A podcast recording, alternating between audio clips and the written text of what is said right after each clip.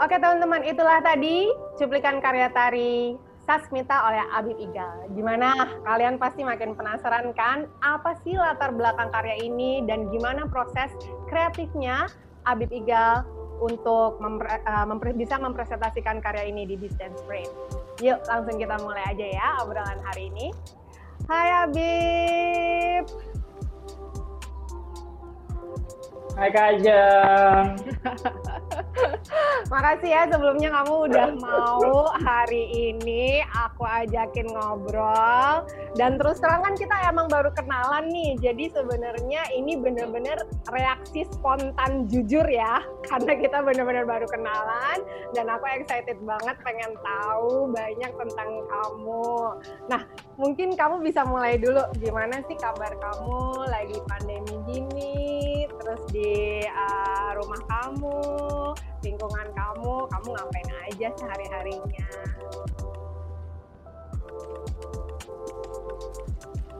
Iya kak, jadi semenjak pandemi kita tahu ya banyak uh, kegiatan tertunda, reschedule, bahkan cancel gitu. Jadi beberapa project aku juga di tahun ini terus berdiam diri tapi mencoba untuk tetap produktif gitu ya. Karena ada proses akhirnya prosesnya di depan uh, laptop aja nulis konsep mereview semua beberapa karya terus juga ikut dalam beberapa panggung-panggung virtual yang ada digelar di dunia di sejauh ini sih begitu sih kak. Terus lebih banyak lebih banyak uh, meneruskan riset-riset masyarakat tapi tetap protokoler covid gitu kan jadi ya lebih banyak mengisi mendalam mengendapkan beberapa proses-proses aku sih kak gitu sama pandemi. Oke, jadi walaupun kita lambat berjalan tapi kita tetap mengisi waktu kita ya dengan riset terus tetap terjun ke masyarakat langsung kayak gitu. Gimana caranya supaya kita tetap bisa kreatif? Oke nah aku tadi sedikit baca profil kamu. Uh, di situ kayak tertulis kamu cukup lama menekuni tari uh, gelang dadas. Benar nggak pronunciation pronunciation aku? Gelang dadas. Iya benar benar benar. Benar. Benar gelang dadas. Nah mungkin kan teman-teman yang nonton nih uh, kurang akrab gitu. Itu tari yang mana ya? Uh, kita pengen tahu gitu. Dan kenapa sih kamu kok uh, tertarik menekuni tari tersebut? Hmm, iya jadi tuh dulu ya ceritanya.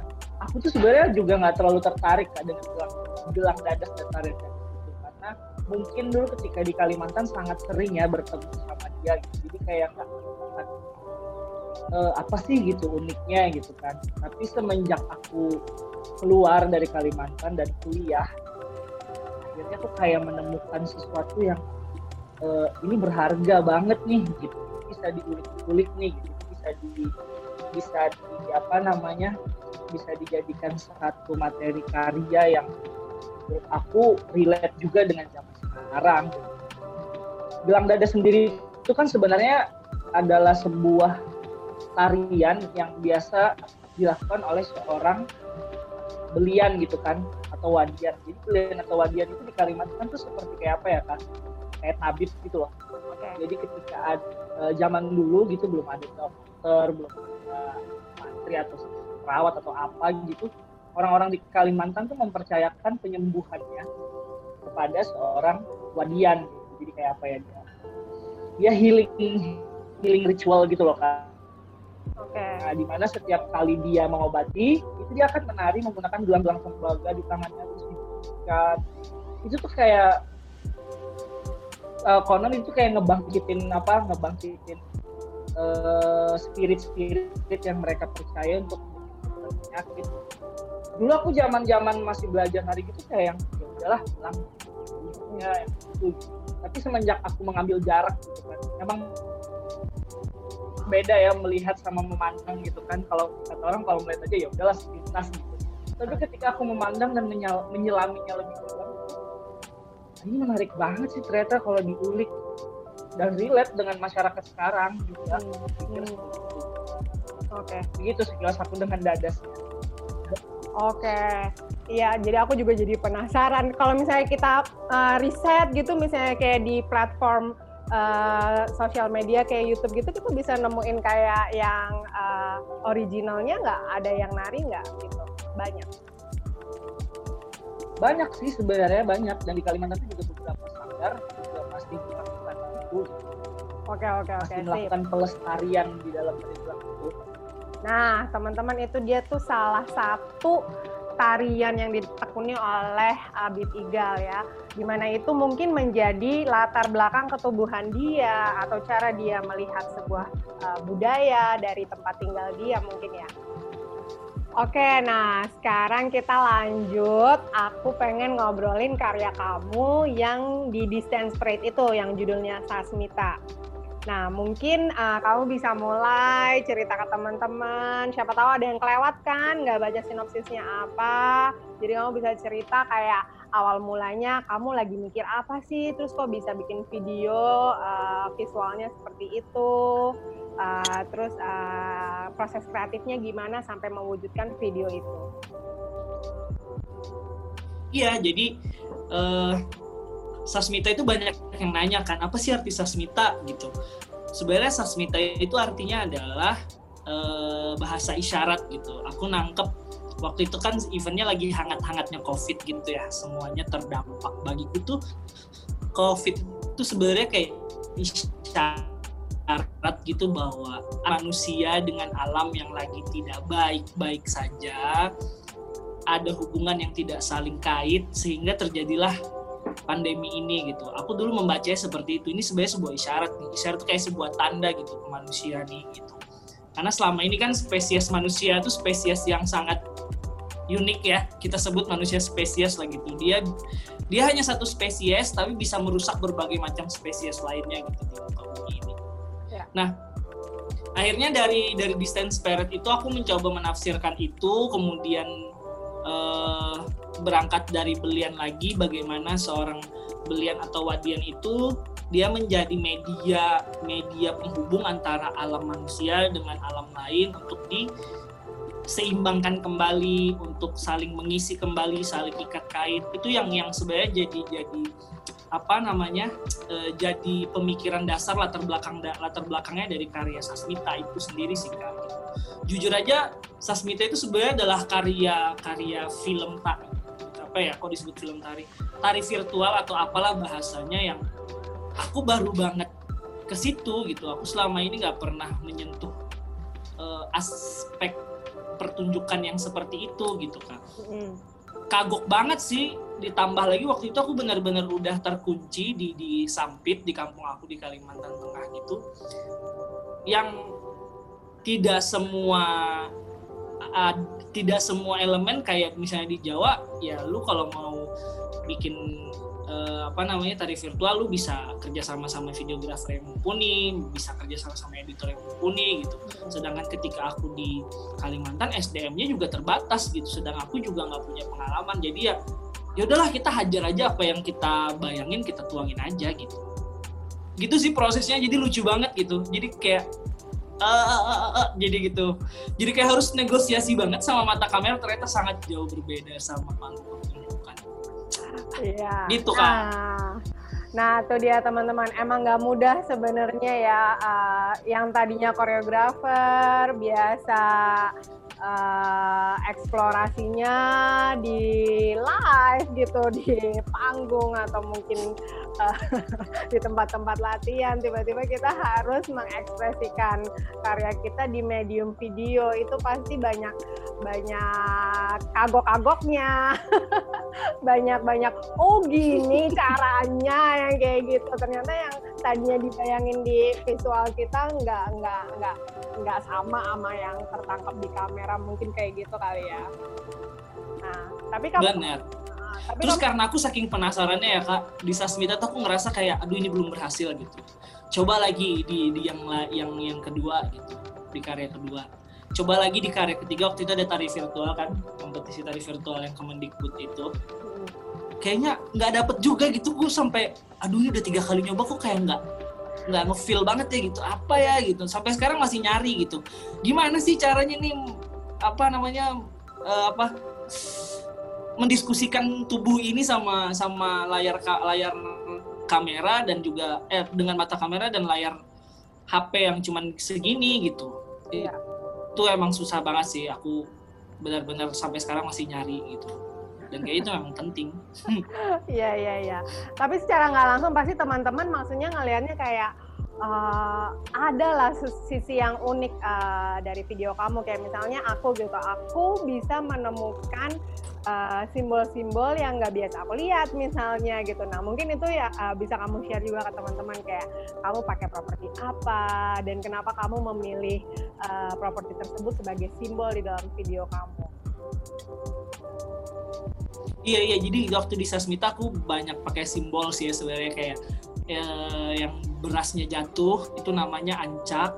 Itu biasanya kalau di sini itu kayak tempat naruh sesaji sesaji dan ancak uh, ancak itu biasanya beda-beda untuk penguasa yang alam atas begini penguasa alam bawah begini gitu.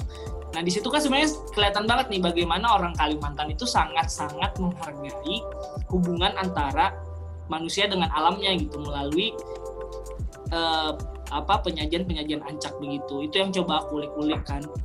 Bagaimana akhirnya beras yang jatuh itu sebenarnya ketika kita memberi gitu, memberi dalam tanda kutip memberi, ya dia akan jatuh untuk kita lagi gitu. Jadi bagaimana kita saling saling isi, saling berputar gitu antara alam ini. Tapi ketika ketika kita berhenti memberi, maka kita juga akan berhenti mendapatkan gitu. Itu yang sebenarnya coba coba aku tawarkan dalam konsep simbol yang aku hadirkan gitu. Selain aku pakai gelang otomatis ya sebagai ini sebagai materi dasar dari sasmita hmm. gitu sih. Ya ya ya ya aku suka kayak uh, kamu kayak naro-naro simbol itu terus kamu gantung-gantung di uh, langit-langit kan. Jadi kayak uh, ini dia dia ngomongin apa ya? Kayak kayak ada satu arti tersendiri nih pasti. Nah makanya itu yang kayak pengen aku tanyain ke kamu dan tadi sudah terjawab. Uh, terus apalagi ya? Um, oh ya uh, apakah kamu kerja dengan uh, music editor atau kamu bikin musik sendiri.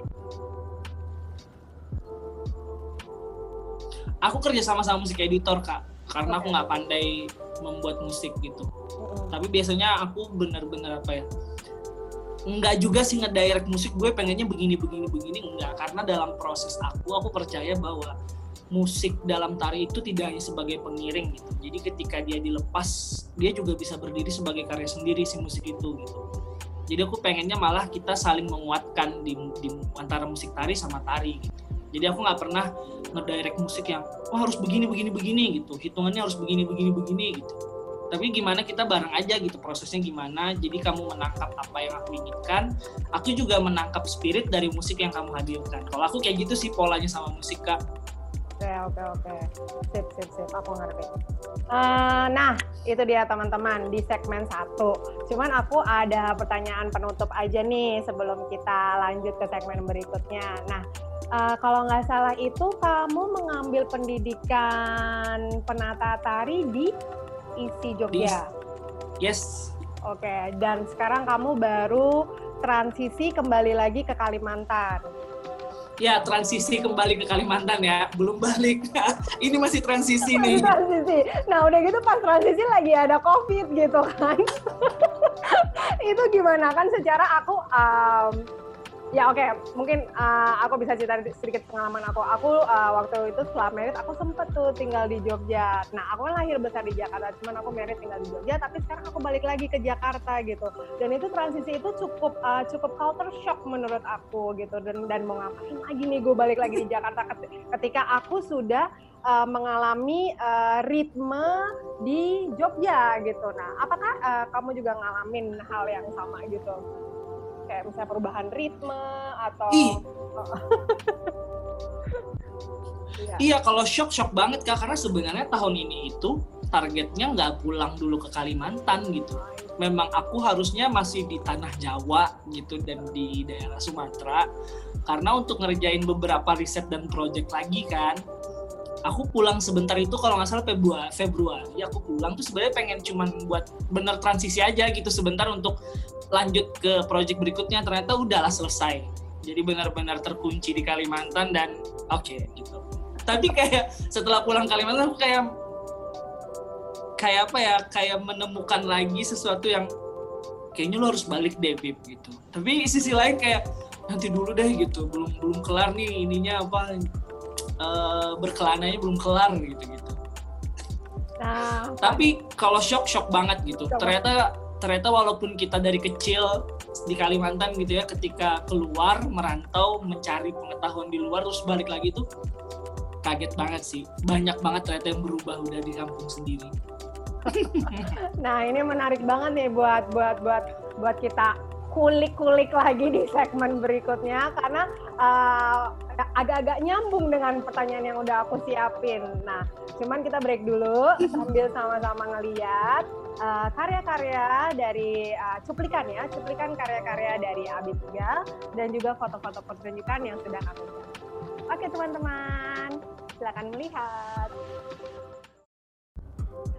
Nah itu dia teman-teman kita udah menyaksikan bareng cuplikan karya-karya tari dari Abib Igal. Nah sekarang aku mau lanjut lagi ngobrol dengan Abib ya.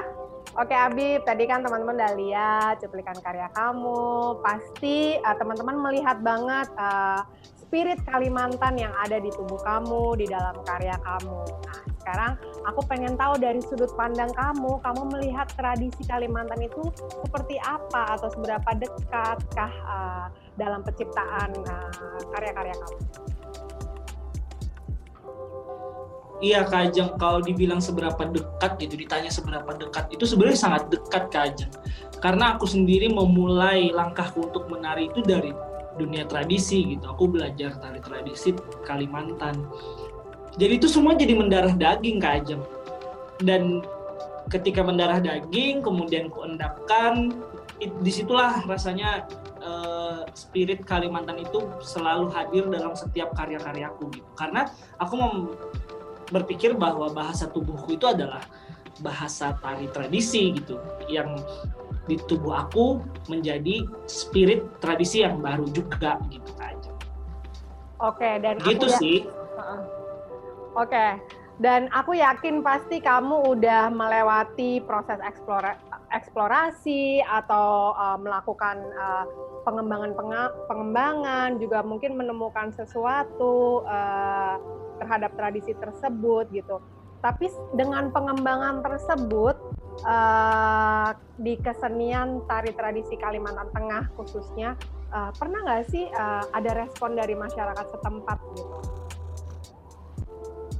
Dengan karya kamu ngelihat karya kalau pro dan iya jadi kalau kalau aku selama ini ber, selama ini aku hadir gitu berkarya ya pro dan kontranya itu cukup banyak kajem ada yang suka ada yang enggak gitu ada yang menerima ada yang enggak ada yang juga setengah menerima setengah enggak.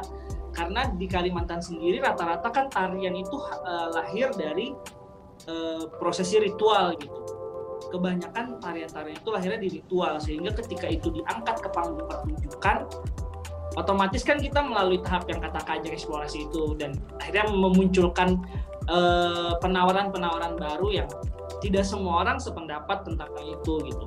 Bahkan pada satu titik aku pernah pernah dipanggil oleh para senior seniorku di Kalimantan gitu. Kemudian ditanya di intro in apa Interogasi.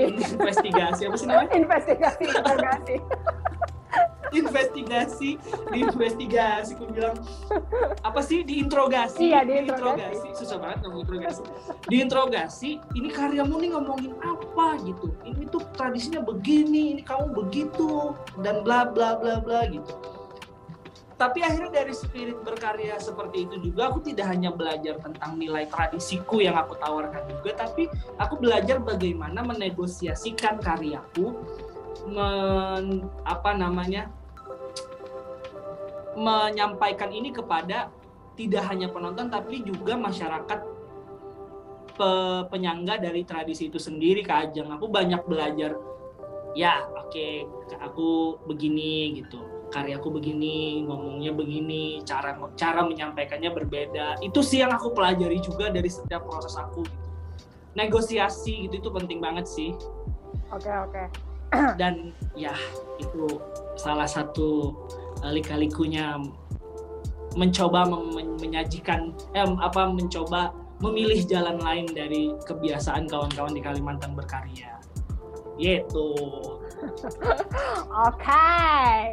Nah, kan uh, aku bisa bilang kamu masih terbilang muda ya. Kamu uh, kelahiran tahun 94. Tentunya uh, kayak susah nih nyari fokus mau ngapain gitu. Misalnya kita nggak ngomongin kita lagi di era pandemi gitu ya. Uh, fok kamu uh, di umur kamu yang sekarang, uh, kamu uh, lebih fokus uh, menampilkan karya kamu itu memperkenalkan keluar atau kamu juga ingin focusing uh, karya kamu untuk ini loh uh, di masyarakat setempat aku masyarakat uh, di sini dan aku punya cara lain dalam berkarya tanpa uh, mengurangi nilai-nilai tradisi tersebut gitu. Uh, fokus kamu yang mana? Fokus aku jelas yang kedua Kak Ajeng.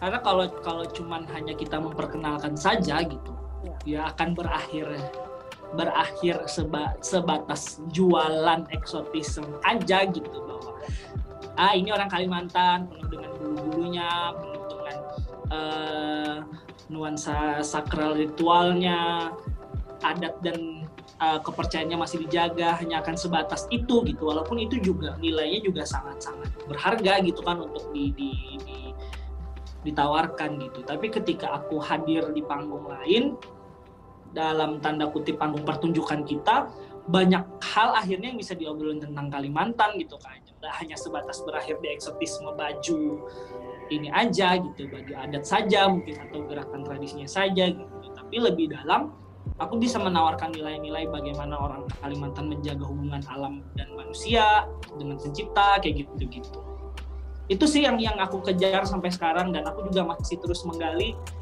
Eh, karena aku bukan tipe koreografer yang banyak berkarya tapi pindah-pindah gitu. Misalnya dia sekarang ngomongin A besok ngomongin Z besok ngomongin B gitu. Tapi aku lebih suka kayak A ini bisa dibentuk kayak gimana lagi ya gitu. Ini bisa di gimanain lagi ya biar biar gini gini gitu. Jadi lebih lebih fokus aja gitu. Dan ketika aku terjun ke kesenian tari gelang ini si belian ini semakin aku dalamin semakin banyak hal-hal yang aku temukan lagi gitu jadi banyak banget dan gak akan ada habisnya kayaknya untuk digali lagi digali lagi gitu tinggal gue nya mau nggak lagi ngegali gitu kak Oke, okay. uh, dari jawaban yang udah kamu share ke kita, kayaknya aku bisa menilai kamu yakin banget dan percaya diri untuk selalu mengeksplorasi kesenian uh, tradisi ya. Tapi uh, aku kan uh, misalnya kalau misalnya ngomongin aku gitu, aku tuh sebenarnya belum pernah bikin karya yang berangkat dari tradisi Indonesia gitu. Jadi aku hmm. mungkin belum menemukan hal yang akan aku tanyakan ke kamu. Nah, apa sih batasan uh, batasan kamu sebagai seniman tari kalau misalnya eksplorasi tentang nilai nilai-nilai tradisi ke dalam karya kamu? Ad, uh, batasannya itu seperti apa sih? Apa kamu belum menemukannya atau gimana? Sejauh ini sih batasan-batasan itu muncul dengan sendirinya ketika kita proses ya kak. Hmm. Jadi balik lagi ke tawar menawar gitu. Aku biasanya ketika menggarap tarian tentang gelang biasanya aku akan ngobrol lagi sama para para tetua-tetua pengampu adat itu gitu. Ini boleh nggak? E, kalau begini gimana bentuknya gitu. Jadi dia akan muncul seiring proses gitu. Dan aku mencoba untuk menjaga jangan sampai masuk ke ranah tanda kutip kepercayaan gitu kak. Kayak misalnya contoh mereka punya doa yang itu sakral untuk dinaikkan pada Tuhan misalnya. Aku tidak akan menyentuh bagian itu gitu. Karena itu adalah spirit kepercayaan mereka gitu. Jadi aku akan e, bergeser ke yang lain yang lain aspek-aspek lainnya gitu. Batasannya sih kalau aku sejauh ini begitu. Karena kita ngomongin ritual itu sangat sensitif ya gitu. Karena itu berhubungan dengan keyakinan seseorang. Oh sorry. Tadi aku bilang bukan hanya kepercayaan tapi juga keyakinan gitu nah aku tidak mau e, karyaku juga menyakiti masyarakat pengampunya itu gitu. Karena mungkin keyakinan terusik seperti apa seperti apa gitu. Jadi sebisa mungkin karya itu benar-benar mewadahi spiritnya mereka juga tidak menyakiti mereka gitu. Batasan-batasannya hanya segitu sih kak yang aku tahu. Tapi dia pasti akan muncul setiap kali aku garap setiap kali kita proses tuh batasan-batasan pasti akan muncul dan bagi aku itu bukan batasan sih ya tapi menguji kita menguji kreativitas kita untuk nah ayo lo sekarang ada rintangan yang gini lo bisa nggak nih ngelewatinya gimana nih? Gitu. Kadang kita sebagai koreografer gue juga kadang ego gitu ya ketika dengar dengar misalnya uh, sebutlah mantra yang mereka nyanyikan tuh kok indah banget sih gitu. Gue kadang juga terpancing untuk gue pengen bawa itu nih ke, ke spirit karya gue tapi kan itu doanya mereka gitu itu kan doa kepada Tuhan gitu ya itu bagaimana cara kita menegosiasikan itu sih kalau aku begitu Ya, betul. Dan aku suka banget tadi jawaban kamu yang kamu kalau bisa melihat itu jangan sebagai batasan, tapi bagaimana kita mencari akal supaya kita bisa bernegosiasi atau ada hmm. cara-cara lain tanpa mengurangi nilai-nilai tradisi tersebut gitu. Oke, semoga jawaban kamu diapresiasi juga nanti kalau uh, lingkungan atau masyarakat tempat nonton video ini, jadi mereka bisa sedikit lebih memahami siapa Abis yes. Igal, siapa latar belakang kamu dan tidak melupakan kamu bahwa kamu ialah memang anak Kalimantan Tengah ya. Oke, okay. nah wah udah cukup panjang banget nih kita uh, ngomongin kedekatan kamu dengan uh, Kalimantan dan spirit-spirit yang ada di dalam karya kamu gitu. Bagaimana sejarahnya, bagaimana itu menjadi hmm. proses kreatif kamu. Dan uh, aku rasa kita bisa uh, lanjut ke segmen berikutnya. Tapi sebelumnya uh, aku pengen tanya dulu pasti dong seorang koreografer punya karya yang uh, berkesan deh. Yang mana nih? Misalnya ada karya ABC, kayaknya yang paling berkesan buat gue dan merupakan breakthrough. Kayak gue nih bikin karya ini kayak ampe pusing banget nyari-nyari metodenya supaya menampilkan seperti ini dan wow, kayaknya ini gue uh, berhasil gitu. Nah, kira-kira kamu punya nggak karya-karya yang bikin kamu punya perasaan kayak gitu? ada sih satu tapi itu masih karya folklore gitu sih kak karya folklore yang belum benar-benar jadi pertunjukan mateng banget tapi untuk sampai ke situ akhirnya itu gue, gue punya apa ya punya effort yang besar banget untuk menciptakan karya itu. Uh, dan bermula dari karya itu juga gelang akhirnya itu cukup meledak di meledak sih bahasanya kayak album cukup booming di di, di pertarian uh, pertarian tari folklore Indonesia gitu. Itu ya itu karya yang dadas yang tempo lalu dia alhamdulillah ya dia juara umum gitu di Parade Tari Nusantara di event itu.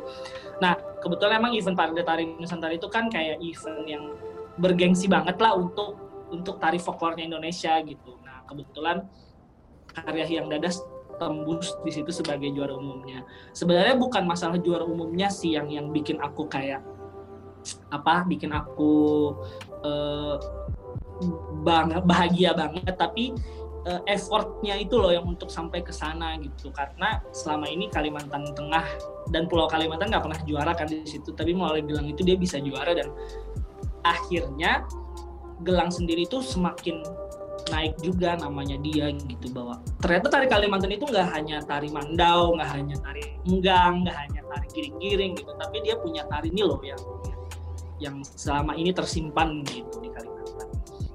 Itu sih, tapi kalau untuk pertunjukan sekarang aku masih godok lagi, godok lagi, aku masih belum menemukan uh, bukan belum menemukan formnya itu masih belum belum mateng gitu. Kayak aku masih perlu mengendapkan lagi. Di terakhir kan aku mencoba untuk di karya konvergen tuh. Di konvergen itu aku bercerita tentang narasi narasi tubuh Wadian tapi aku belum belum gitu sama bentuknya dan sekarang masih diproses untuk supaya jadi gitu. Oke. Nah tadi apa judul tarinya? Yang uh, folklore? Yang dadas. Ya oh yang dadas. Yes. Oke. Nah, kita kan mau break nih sebelum kita ngelanjutin ke segmen berikutnya. Kita ajak dulu teman-teman ngeliat cuplikan karya tari yang dadas. Oke, selamat menonton. Oke teman-teman, terima kasih kalian udah stay dengan aku dan Abib. Sekarang kita udah masuk ke segmen yang paling terakhir. Hai Abib. Ya kak. Nah, bi seperti biasa kan ya, segmen penutup itu ialah segmen lebih personal terhadap uh, pandangan kamu atau harapan-harapan kamu gitu. Nah, mungkin nih sekarang aku uh, agak personal nih nanyanya. Kamu punya idola nggak mau yang nasional dulu deh sebelum kita uh, tanya idola internasional. Uh, mungkin tari ya, jangan tiba-tiba kamu bilang Beyonce gitu. Jadi maksudku kayak ada nggak sih tokoh tari atau temen uh, seniman tari yang kamu idolakan atau menjadi inspirasi dari uh, proses kreatif kamu?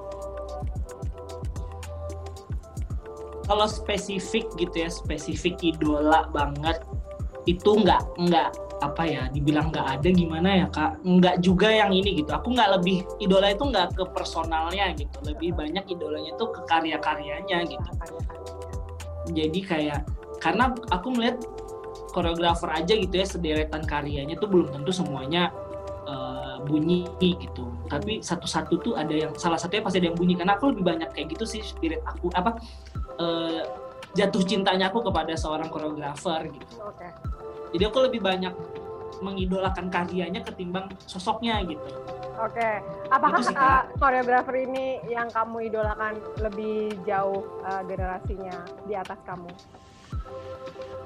Malah ada yang yang yang se ini seinian sama aku apa namanya? Seleting Selevel ya? seangkatan ya? sama aku lah gitu seangkatan oke okay. hmm. jadi kamu eh, siapa pun dia gitu ketika karyanya bisa menyentuh kamu dia bisa aja jadi idola kamu atau menjadi inspirasi kamu ya jadi nggak hmm. ada orang yang spesifik siapa gitu Enggak. atau kalau kamu nah, ya apa tapi kalau yang yang di, di di luar negeri kita gitu ya uh -huh. aku tuh ngefans banget sama sama ini sama apa namanya sama Claude Gates dan Stater tuh lo punyanya Lin Huaimid ya.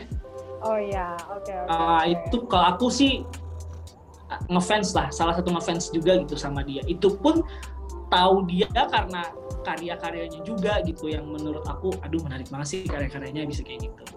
Oke, okay. wow, aku cukup surprise karena uh, maksudku uh, uh, CloudGate itu bisa dibilang kayak uh, mereka high banget ketika ada di generasi aku. Ternyata kamu masih juga uh, di generasi kamu masih juga bisa mengidolakan uh, ini ya cloud game ya.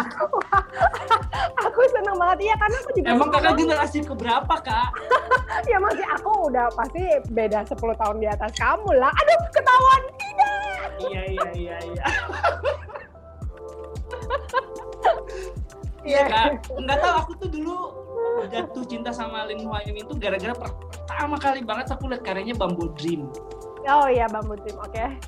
Bamboo Dream tuh langsung eh, suka banget gitu. Habis itu aku lihat Song of Wanderers, udah Song of Wanderers. Ya dan langsung jatuh cinta banget sih. Yes. Oke, okay. ya ya ya ya ya. Iya, aku juga suka banget mereka. Aku aku uh, bisa banget tenggelam gitu loh kalau nonton. Iya, yeah. bahasanya tenggelam ya, tenggelam gitu loh. Dan susah kan karya tari itu susah banget begitu Iya, gitu. uh, untuk engage penonton tuh emang susah banget karya tari karena yes. kan kita nggak ngomong, mungkin ada beberapa karya yang benar-benar pure gerak aja gitu kan. Iya. Oke, okay. get apa? Uh, thank you banget udah nge-share. siapa yang kamu suka. Bagi yang nonton kayaknya juga harus lihat sih itu. Tetap soalnya tetap relate dia dari zaman ke zaman juga tetap relate menurut aku sih Iya, kalian. betul betul betul. Oke, nah tuh teman-teman coba kalian cari di YouTube langsung Google ya Cloudgate Company. Oke. nah, soalnya uh, kak kalau gue nggak iya. idolain Martha Graham gitu ya, gue nggak pandai tari modern yang begitu-begitu. kalau iya. balet siapa? Mungkin kayak Morsingham gitu gue kan nggak pandai ya tapi gue jatuh cinta juga sih oke oke oke sip Oke, okay, nah kita tadi udah ngomong biar relax dulu nih kan. Tadi aku tanya idola kamu. Nah sekarang aku pengen tahu gitu ya sebagai Abib gitu kan. Kamu juga udah apa ya ngelewati pendidikan S1 ya S1 penata tari gitu uh, dan ya. kamu sedikit banyak ngelihat banyak pertunjukan di uh, Jogja ataupun di eh, kota-kota di Indonesia gitu.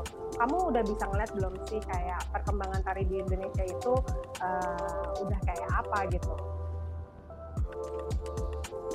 Hmm, kalau ngomongin perkembangan tari Indonesia ini luas banget ya dan gue sebenarnya takut salah ngejawabnya. Okay. Tapi menurut aku ya kalau dibilang berkembang pasti berkembang ya, tapi tetap terpusat sih kalau aku lihat kak perkembangan tari itu perkembangan tari Indonesia itu hanya bisa dilihat di sekitaran Pulau Jawa saja gitu Oke. Karena kalau kita menyelam ke eh kalau kita menyelam kalau kita ke Kalimantan, ke Sumatera, panggungnya apa sih gitu? Takarannya untuk dibilang berkembang juga apa gitu? Uh, mungkin mungkin uh, salah satu uh, guru kita senior kita misalnya kayak Mas Eko PC gitu ya. Beliau tetap membawa, membawa berhasil membawa spirit karya uh, spirit tari tradisi yang ada di Maluku sampai keluar gitu kan. Nah, tapi juga aku nggak tahu kalau di Malukunya bagaimana gitu. Kalau di Kalimantan aja yang lebih spesifik deh gitu. Dibilang berkembang juga bingung aku jawabnya gitu. Takaran berkembangnya apa gitu. Sedangkan panggung tarinya gitu untuk Kalimantan aku katakan hanya lomba tuh lomba gitu. Jadi hidupnya tarian itu karena ada lomba festival tari kreasi lah gitu mungkin FLS 2N lah yang sifatnya event-event begitu. Jadi kalau dibilang berkembang, ya berkembang, tapi dari lomba ke lomba gitu. Tapi kalau untuk berkembang dalam artian seni pertunjukannya tari gitu, aku bilang sih masih proses sih transisi untuk menuju itu gitu.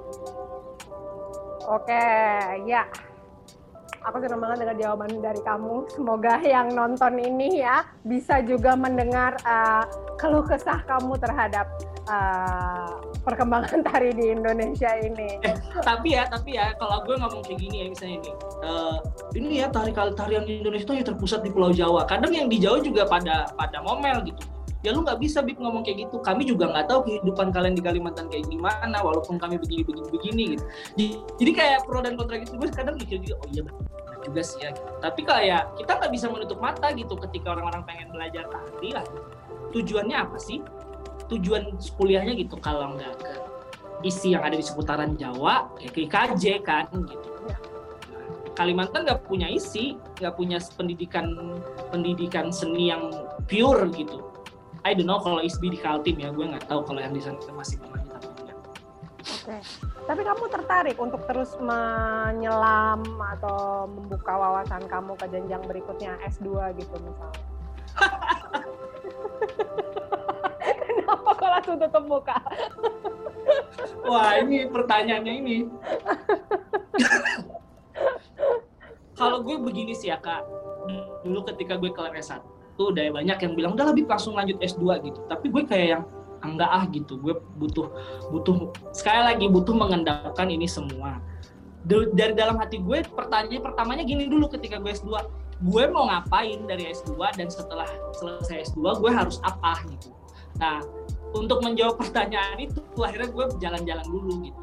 Dan akhirnya tetap pengen pengen S2 sih tapi semenjak covid dan balik ke Kalimantan ini gue kayak kayak apa ya kayak yang ah gitu ini gue harus mikirin lagi nih apakah membangun dulu uh, ekosistem yang ada di Kalimantan di lingkungan aku gitu apakah aku keluar aja dulu lagi gitu.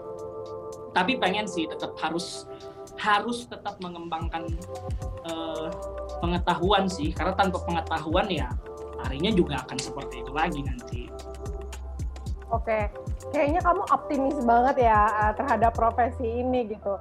Uh, karena kan sebenarnya langka banget gitu yang mau ngejalanin profesi kayak kita menjadi seniman tari kayak kalau dilihat ya kayak yang tadi kamu bilang gitu kan dilihat dari generasinya aja gitu nggak semua satu generasi bunyi gitu nggak semua sih hmm. karya-karya dari hmm. koreografer itu bunyi karyanya gitu kan nah mungkin kayak kamu bisa gitu uh, ngasih uh, spirit optimism kamu yang yang semangat ini uh, ke generasi di bawah kamu misalnya kayak apa apa sih yang harus uh, mereka mulai gitu ketika mereka pengen uh, menjalani profesi kayak kita gitu. Kalau dibilang optimis sih memang harus optimis ya kak. Dulu aku pas nonton karya uh, nonton filmnya Krisya ya kalau nggak salah dia pernah ada satu kalimat ini begini. Gue cuman bisa nyanyi gitu. Gue nggak tahu harus kerja apa gitu. Dan akhirnya aku juga begitu kak mikirnya. Ya udah gue cuman bisa nari. Cuman bisa nari ya gue akan terus menari gitu terserah ini mau menghidupi atau gue yang menghidupkan itu masalah proses aja gitu dan dan apa ya jujur aja selama perjalanan ini gue menarik itu gue pernah ketemu satu orang uh, dia salah satu penari juga di Indonesia Raya ini. Dan dia bilang ngejudgement gue gitu lu kayaknya salah jurusan deh masuk tari gitu. Karena gue ngeliat lu lu tari itu tubuh lu nggak bagus gitu. Dan gue cuma bilang oke okay, gitu. Gue pertamanya gedek tapi akhirnya uh, gue bilang kayak gini oke okay, gue salah jurusan tapi gue belum tentu salah masa depan gitu kan. Ya orang salah jurusan kan mesti masa depannya juga salah. Nah dan kenapa gue tetap optimis ya? Karena gue ngelihat harus ada satu pohon untuk memberi untuk apa namanya untuk menciptakan bibit-bibit yang lain. Harus ada yang berkorban gitu. Dan kalau memang itu gue ya udah ayo dijalanin aja gitu. Toh selama ini tetap hidup aja. Enggak yang susah-susah banget. Emang susah sih sebenarnya tapi tetap ada jalan kok. Oke, nah itu dia teman-teman, apalagi adik-adik kita nih uh, mungkin bisa terinspirasi dari jawaban kakak Abib ya. Duh, tadi tuh jawabannya bagus banget ya. Udah gitu, jalanin aja dulu gitu. Nanti juga akan terjawab sendirinya gitu keraguan kamu gitu. Uh, seberapa besar effort yang udah kamu keluarkan gitu, toh nanti juga akan terjawab juga gitu keraguan-keraguan itu. Oke, ya. aduh nggak terasa banget nih, udah habis kita waktu ngobrolnya. iya ngobrolnya panjang banget ya, ditanya sekalimat jawabnya 10 kalimat. Oh enggak, enggak ah menurut aku kamu enak kok ngejabarinnya. Aku seneng banget ngobrol sama kamu malam ini. Oke, nah untuk closingnya seperti biasa aku pengen uh, tanya uh, kamu uh, ada rencana apa nih yang paling deket gitu? Atau kamu punya harapan apa gitu ke uh, selama masa pandemi ini atau setelah pandemi ini kamu mau ngapain? Rencana terbesar kamu. Rencana ke depan aku adalah aku pengen bikin uh, satu ekosistem koreografer yang ada di Kalimantan, sepulau Kalimantan ini aku pengen ngoneksiin teman-teman yang terpecah-pecah yang ada di Kalsel, di Kalteng supaya kita bisa kumpul bareng, kita diskusiin bareng, kita berbagi bareng mau dibawa ke mana tarian kita yang ada di Kalimantan ini dan posisi tarian kita di Kalimantan ini sebagai apa gitu di Indonesia aku nggak tahu urgensinya apa aku mengumpulkan mereka tapi aku pengen banget supaya uh, kawan-kawan di, di kawan-kawan koreografer di Kalimantan juga uh, punya wadah untuk menyalurkan uh, hasrat mereka dalam berkarya gitu. Itu harapan aku sih dan ini masih ya kita cobalah gimana nanti setelah pandemi berjalan dan gimana dan melanjutkan riset dan proses pastinya. Oke, okay. menurut aku itu uh, harapan yang cukup mulia banget untuk uh, Pulau Kalimantan ya. Kamu punya harapan sebesar itu, semoga uh, Tuhan mendengar dan mewujudkan keinginan kamu serta koneksi-koneksi yang ada di teman-teman uh, Kalimantan itu bisa bisa langsung menyatu dan ya itu tadi menjawab bahwa ke mana Kalimantan ini di ke depannya. Nah, ya. itu dia teman-teman obrolan saya dengan Abid Igal malam hari ini. Semoga obrolan saya dan Abib ini menjadi inspirasi buat siapa pun yang nonton gitu. Kalau ingin tahu lebih jauh tentang Abib, bisa langsung kontak orangnya. Dan ternyata dia seru banget kalau diajak ngobrol. Benar-benar deh, karena aku baru pertama kali ngobrol sama dia malam ini dan ternyata smooth-smooth aja obrolan kita. Oke, Abib, aku doain semoga kamu tetap humble seperti sekarang, kamu terus Amin. Uh, optimis men meneruskan cita-cita kamu menjadi seniman tari dan juga tetap didukung oleh siapa pun orang-orang yang menyayangi kamu. Dan aku harap semua sehat dalam masa pandemi ini Amin. kita harus tetap positif. Ya. Amin. Bye bye Abib, thank you so much. Bye Kak. Nah, teman-teman jangan lupa subscribe, like, dan share video ini ke teman-teman kalian semua. Terima kasih, saya Ajeng Sulaiman. Pamit, bye.